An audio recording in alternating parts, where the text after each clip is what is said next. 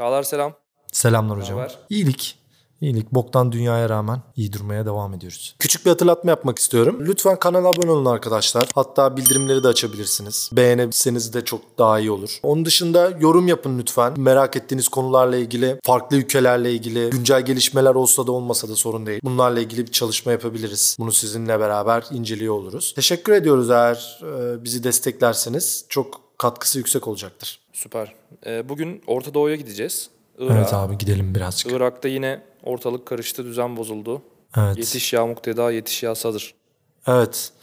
Öyle şeyler oldu. Yani aslında biraz sadır bozulmanın nedenlerinden birisi gibi görünüyor olsa da bir yandan da durumu düzelten de o olmuş oldu. Nasıl yapalım? Neresinden girelim? Var mı merak ettiğim bir konu? Önce şeyi konuşalım istersen. Sadır hareketi nedir?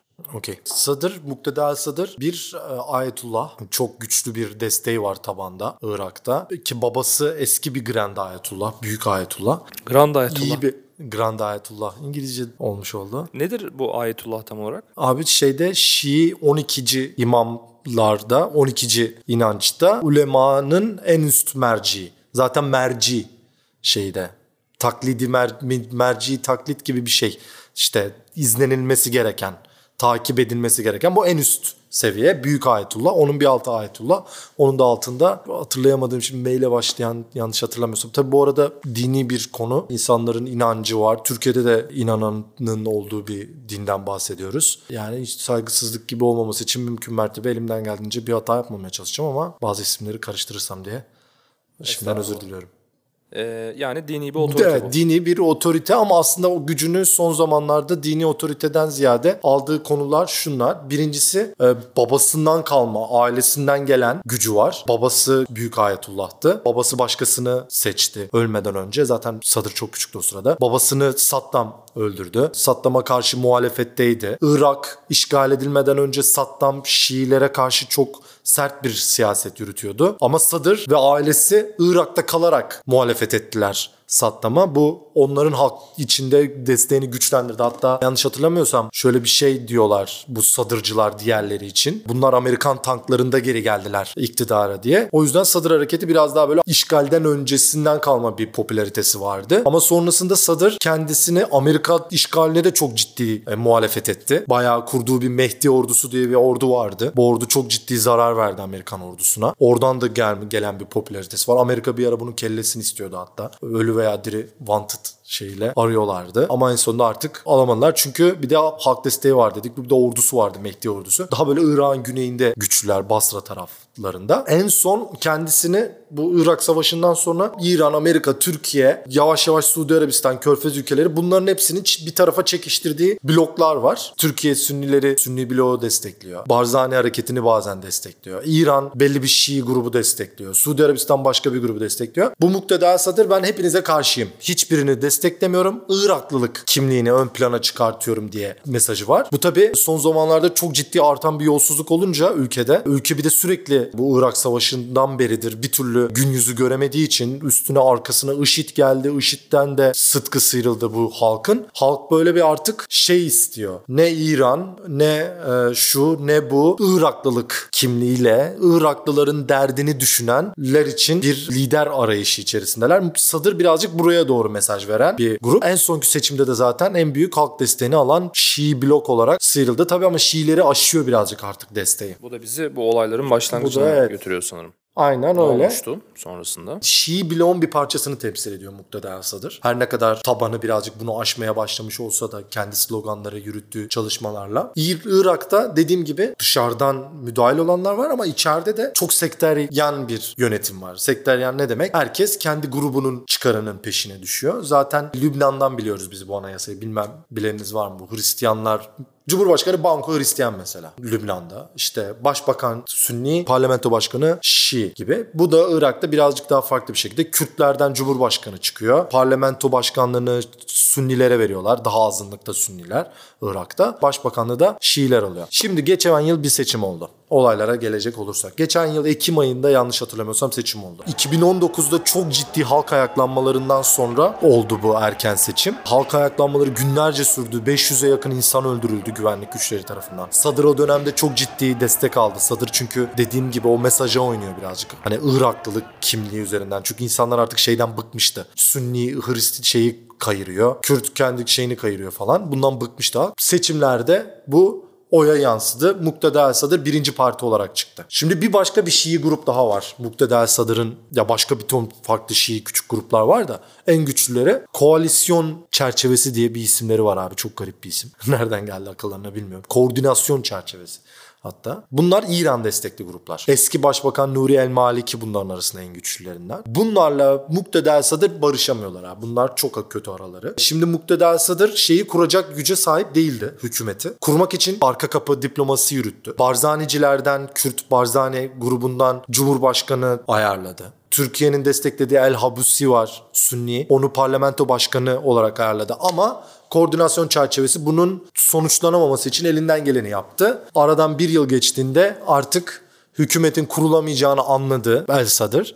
Ve dedi ki sıkışıklığı açmak için bir hamle yapmalıyım. Geçtiğimiz ay civarında Ağustos ayının sonlarına doğru 73 milletvekilini istifa ettirdi. 73 birden istifa ettiler. Şimdi beklentisi büyük ihtimalle orada şuydu. Bunlar bu parlamentoyu yürütemezler. Seçime giderler. Seçimde ben bunlara bir ders veririm. Çünkü halk desteği dediğim gibi Sadr'ın arkasında gittikçe konsolide oluyor. Abi istifa ettikten sonra kimse şey yapmadı. Irak'ta anayasaya göre ikinci kişi geliyor hemen arkasından. İkinci gelenlerle beraber koordinasyon çerçevesi bu sefer çoğunluğu ele geçirdi. Kendi hükümetini kurmaya yelteniyordu ki yanlış hatırlamıyorsam El Sadr bunlara 62 saat süre veriyorum dedi size. Herkes istifa etsin. Bütün milis güçleri dağıtalım. Ne milis güç, ne siyasi parti, ne birisinin tuttuğu makam öyle seçimlere gidelim. Yani isim olarak seçime gidelim. Şey olarak değil, parti olarak değil. Bu arada e, istifa ettiği sırada falan eylemler oluyor. Eylemlerde sadır destekçileri meclis binasını basıyor falan. En son bu böyle olunca bu dedik işte protestolar oldu ara ara. 62 saat süre verdi Sadır. İbri ondan yanaydı. İşler onun lehine gidiyor gibi görünüyordu. Her şeyin ortalığı karıştıran gelişme yaşandı. Iraklı 12 imam inancındaki Şiilerin genelde dest şey yaptığı, takip ettiği Büyük Ayetullah bir şey bir şey tam ismini hatırlamam. El Hayri istifa ediyorum ben dedi.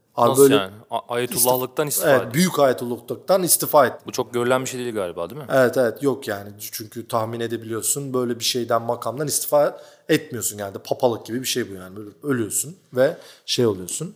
Yerine genelde arkandan gelen takipçilerin birini seçebiliyor takip etmek için. Bu birazcık şey gibi bir şey bu arada. Hani sonra belki açıklarız birazcık bu Şii ulema şeyini, dinamiklerini. Bu adam istifa etmesinin dışında bir de yerine İran'ın dini lideri Ali Hamene'yi gösterdi. Büyük Ayetullah olarak. Yani bu şu demek Irak'ta Sadr'ı destekleyenlere dedi ki İran'ın dini liderini takip edin. Dini şeylerde, konularda. Bu şu demek Sadr hani dediğim demiştik ya İranlı gruplarla arası kötü diye. İran destekli gruplarla arası kötü diye koordinasyon çerçevesiyle bir nevi gol atmış oldular Sadr'a. Sadr da dedi ki bunun karşısında öyle mi kardeşim ben komple bırakıyorum siyaseti. Sadr hareketini kapatıyorum. Bayrağı dalgalanmayacak hiçbir şekilde siyasi açıklama yapılmayacak. Destekçiler benim adıma eylem yaparlarsa onları desteklemeyeceğim. Bundan sonra bitmiştir Sadır Hareketi dedi. Ben de de şeye gidiyorum. Dini eğitim almaya devam edeceğim. Bunun üstüne Sadır Hareketi'nin milis güçleri olan bir şey paraya selam barış gücü, barış tümenleri gibi bir şey, huzur tümenleri gibi bir ismi var. Bunlar Bağdat'ın yeşil bölge dediğimiz Irak Savaşı'ndan sonra güvenli bir bölge oluşturmuşlardı. Yeşil bölge diye diplomatların falan yaşadığı. Orada güvenlik güçleriyle çatışmaya başladılar. Bayağı 40-50 kişi öldü. Irak ordusu sokağa çıkma yasağı ilan etti. Bir gün üzerinde sürdü çatışmalar. Durdurulamıyordu çatışmalar. En son Sadır 60 dakika içinde duracaksınız dedi ve durdu. Bıçak kesiği gibi kesildi çatışmalar ve o gün bugündür şu anda herkes biraz birazcık ne olacak onu bekliyor. Şu anda Sadır istifa etmiş durumda. Siyasette bulunmuyor. Şunu da söyleyeyim. Başka bir Iraklı Büyük Ayetullah daha var. Al-Sistani siyasete karışmayan tatlı bir insan. Ben e, beğeniyorum açıkçası pozisyonunu. 92 yaşında siyasete karışmıyor. Çok yani Yine aslında... bir şey mi? Ayetullah mı? O da büyük ayetullah. Onun dediği böyle şey gibi bir şey, emir gibi bir şey yani. Çünkü en yaşlıları, en otoritesi yüksek olanları ama böyle siyasete karışmaz. Ne zaman Irak'ta böyle farklı güçler bir şey bir konuda anlaşamayacak olsalar bu El Sistani müdahale eder. Şimdi görüyoruz ki böyle bazı Çok güzel yani Çerçevelerde devlet işlerini ki- karıştırmıyor birbirine. Evet kısmen karıştırmıyor. Yani müdahale oluyor ama sembolik olarak gücünü kullanarak Yine şey işin mi, çözülmesi mı? üzerine kullanıyor. Yani yarın bir gün daha kötü bir şey de kullanır mı bilmiyorum. Babam değil bir şey değil tanımam etmem. Ama bizim anladığımız kadarıyla Reuters'ta falan mı çıkıyor haberlerde. Diyorlar ki acaba El Sistani şeye Sadr hareketine off the record da olsa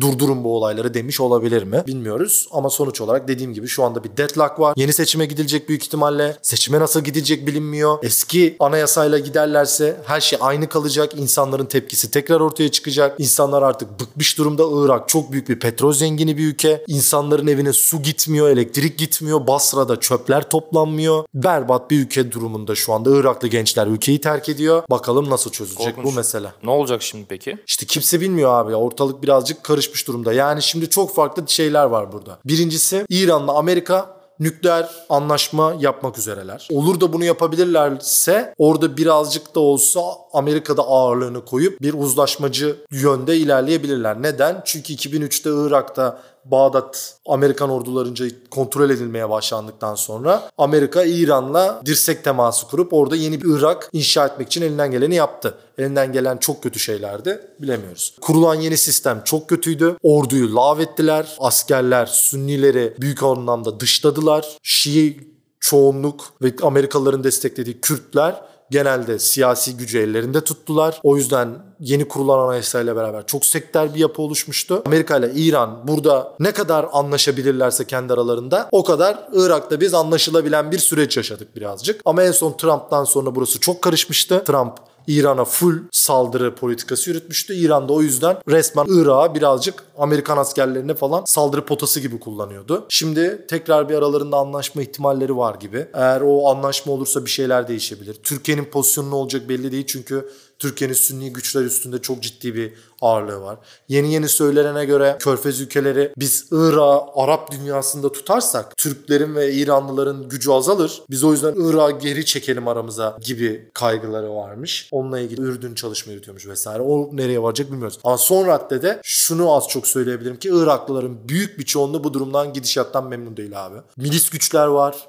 Herkesin kendi milis var. Haçlı Şabi diye bir grup var. Ordudan güçlü. Kürtler ayrı bir yerde bağımsızlığını aldı alacak. Bu arada Kuzey Irak, Kürdistan'ı inanılmaz refah seviyesiyle yaşıyor. Çok düzenli bir refah seviyesi var. Seküler inanç çok daha baskın. Yani bilmiyorum İstanbul'dan bile çok daha rahat gezebileceğin yerler var Erbil'de. Petrol yatırımlarını nasıl kullanacaklar ilerleyen zamanda bu da belli değil. Türkler kendilerince kullanıyor. Bağdat hükümeti burada biraz daha baskıya sahip olmak istiyor ama ortalık bu kadar karışıkken işi nasıl Kürtlere dikte ettirmeye vardıracaklar belli değil. Kürtler de kendi aralarında anlaşamıyorlar. Barzani ekibi var, Talabani ekibi var. Onların arası kötü. Barzani ekibi biraz daha bağımsızlığa yakın. Talabani ekibi biraz daha Bağdat'la arasını iyi tutuyor. Uzun yıllar boyunca Kürtler İran ekolünü desteklemişti ama bu son gelişmede Barzani ekibi Sadır hareketini destekledi. Hani bu demiştim ya Cumhurbaşkanı seçiyorlardı falan. Orada normalde herkes yok ya kabul etmez Barzaniciler diyordu ama ettiler. İş nereye varacak belli değil. Sadır tekrar siyasete dönecek mi belli değil. Yani şunu söyleyebilirim. Birazcık şey gibi kullandı bunu. Şu an varılan noktada Sadr'ın ne kadar güçlü olduğunu herkes kabul etmek zorunda kalmış oldu bir noktada. Çünkü adam diyor ki 60 dakika içinde burayı kesin kestiler. Silahlar susu verdi bir anda. Bu çok ciddi bir güç. Yani istediği kadar siyaseti bırakmış olsun. Sadr'ın göz kırpmadığı bir eylemi kolay kolay yapamayacakmışsın gibi duruyor. Böyle bir tarafı da var.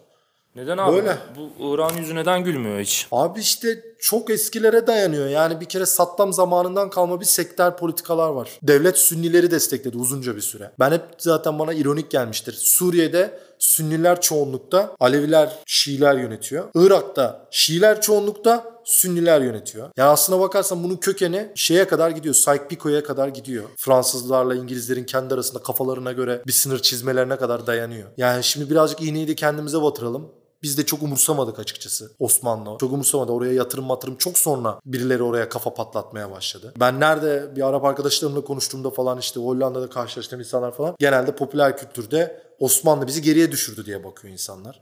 Az çok da haklılar yani. Selanik'e yapılan yatırımlar acaba Şam'a ne zaman yapıldı? Sonrasında gelen tam bir kolonici iktidar. Fransız Hamit Bozarslan'dan galiba duymuştum. Katilini seviyor Irak'ta ve Suriye'de yöneticiler. Yani katili koloniciler, eski koloniciler. Bu koloniciler ülkeyi çok kötü yönetmişler abi. Ve bir tek ordu içerisinde bir modernleşme hareketi oluşmuş. E öyle olunca erken kalkan darbe yapıyor abi ülkede. Sen darbe planı yapıyorsun sabah 6'ya. Senden önce 5'te başkası kalktı diye o darbe yapıyor falan yani. Uzun süre bu ülkeler böyle yönetildi. Suriye'de halen öyle yönetiliyor. Irak'ta tam Amerika bu işi çözeceğim ayağıyla geldi buraya boktan sebeplerle. Ben kesinlikle Saddam karşıyım. İğrenç bir insan. Halepçe'de falan yaptıkları rezalet yani. Bildiğin kimyasal silah kullanmış bir insandan bahsediyoruz. Ama Amerika haklı mıydı? Tartışılır.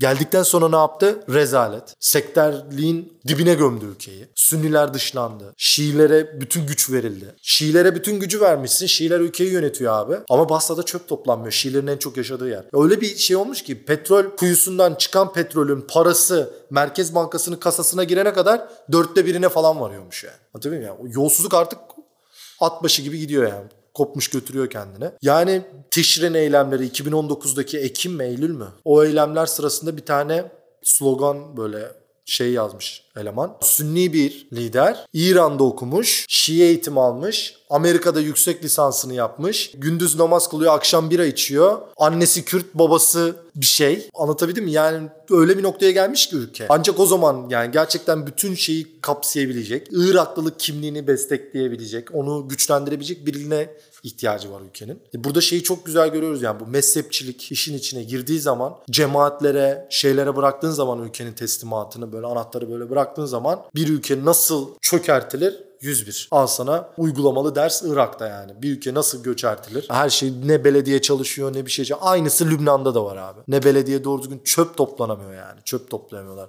Halen iki yıl önceki şeyin pisliğini sivil halk topluyor, sivil toplum topluyor. Neyse ki Lübnan'da sivil toplum güçlü. Irak'ta sivil toplumu da güçlendiremediler çünkü Saddam 20 yıl boyunca ezmiş, kimseye nefes aldırmamış abi. İğrenç bir diktatörlüktü Saddam'ınki. Böyle yani ülkede bir umutsuzluğa kapılmamak lazım. Ama gerçekten diğer ülkelerin de ya ben bu Irak'tan ne kopartırım yerine ya bu Irak'ın selameti bizim selametimiz arkadaş. Bunu anlayalım yani deyip elini taşın altına koyması gerekiyor insanların. Türkiye'nin, İran'ın. Hala orada yok ben koordinasyon çerçevesi iktidara gelsin istiyorum. Yok bu iktidara gelsin. Yok şu iktidara gelsin. O iktidara gelince ne olacak? Bir de şöyle bir şey var abi aslında öyle bir anayasa ki bu anlattığım şey şöyle güzel. Ülkede herkes iktidar aslında. Herkese bir görev veriyorsun zaten. Birisi parlamento başkanı muhalefet yok yani ülkede. Kimse muhalefet etmiyor abi. Herkes sistemin aynen böyle kalmasını devam ediyor. Siyasetçilerin hepsi bundan memnun. Sünnilere parlamento parlamento başkanlığını veriyorsun. Her bakanlıkta biraz Sünni var, biraz şundan var biraz bundan var. O yüzden kimse şey derdinde değil yani. Ülkeyi daha iyiye götürmek gibi bir derdinde değil. Herkes birazcık siyasetçi orada şeyinin derdine düşüyor. Ben zaten diyor kotam var. Her türlü benden birini seçmek zorundalar. Benim ekibimden birisini seçmek zorundalar. O yüzden kafası rahat. Seçime girdiği zaman kafası rahat. Bu belki bu gelişmeler birazcık bu sadır hareketi falan bu sadrın bu popülist söylemleri çok tehlikeli yerlere gidebilir. İnşallah gitmez. Ama bir yandan da aslında 2019'daki eylemleri de şey yapıyor. Haklı bir pozisyona getiriyor. Onun haklılığını tekrar gösteriyor. Yani o eylemlerdeki hak haklılığı tekrar gösteriyor. Çünkü bu sektörliğin bitip gerçekten birilerinin bir Irak inşasına çaba sarf etmesi gerekiyor. Ki para da var yani. Paraları var yani bu adamların parası bok gibi parası var. Bir anda Kuveyt olur bu ülke yani. Öyle de bir ülke. Yurt dışında da artık çok Iraklı var. Onların da eminim katkısı olacaktır. Böyle bir ülke abi. Küçük bu şeyi de anlatayım istersen bu e, Şiilikteki ulema sistematiğini. Bu şimdi bir Necef var bir de Kum var. Birisi İran'da birisi Irak'ta iki önemli havza bunlar. İşte şey gibi dini eğitimin verildiği yerler. Buradaki mollalar çok halk tabanında şeyi olan insanlar. Çünkü bunlar böyle gidip aynı zamanda sivil toplum şeyi de yürütüyorlar. Eczanesi var, hastanesi var, bakkalı var, şeyi var. Sivil toplum o yüzden bağı çok güçlü bunların. Bunların içerisinden böyle artık eğitimini tamamlamış olanlar, en bayağı yüksek bir seviyeye gelenler büyük ayetullah seviyesine geliyor. Bir de şöyle bir olayları var. İran'daki devrimde bunlar birazcık bu işi değiştirdiler. Çünkü aslında ulema daha öncesinde şöyle bir anlayışı vardı duydum mu bilmiyorum hani 12. imam kaybolmuştur aslında 12 Şiilerin inancına göre. 12 imam vardır. 12.si kaybolmuştur ve Mehdi olarak geri gelecektir. Mehdi gelene kadar da ulema sadece yol gösteren olabilir. Şey olamaz. Velayet onda değildir yani. Yönetim onda değildir. Ama bu İran devrimi sırasında bunu değiştirdiler. Velayeti fıkıh dedikleri bir kavramla beraber diyorlar ki Mehdi gelene kadar ulema şeye öncülük edecek, yönetecek. O da neye dayanarak yönetecek? İçtihada yani daha önceki ulemanın söylemlerine ve Kur'an'a göre. O yüzden biz şu o buna dayanıyor İran'daki devlet yönetimi. Bu büyük ayetullahlar falan böyle birazcık siyasetle de he, çok ilintili insanlar oluyor genelde. Onlar şeydeki gibi değil. Sünnilikte genelde daha çok şeyin altındadır. Devlet yöneticilerinin şirikte birazcık daha şeyler. Devlet yönetimine katkıları var. Ee, abi Irak böyle. Yani açıkçası çok gerilmiştim. İlk çekimden beri bu kadar gerilmemiştim. Çünkü çok karışık bir ülke. Yani çok küçük bir nüfus ama maşallah var yani karışıklık konusunda. Sen anlatınca benim de kafamda birçok şey daha netleşti. Ben de Evet abi öyle. Teşekkür ediyorum yani. Memnun oldum. Böyle biz teşekkür şey. ederiz Çağlar. Abone olun arkadaşlar. Bildirimleri açın. Videoları beğenin. Arkadaşlarınıza atın. Ananızla babanızla bunu tartışın. Konuları diğer insanlara anlatın. Önemli konular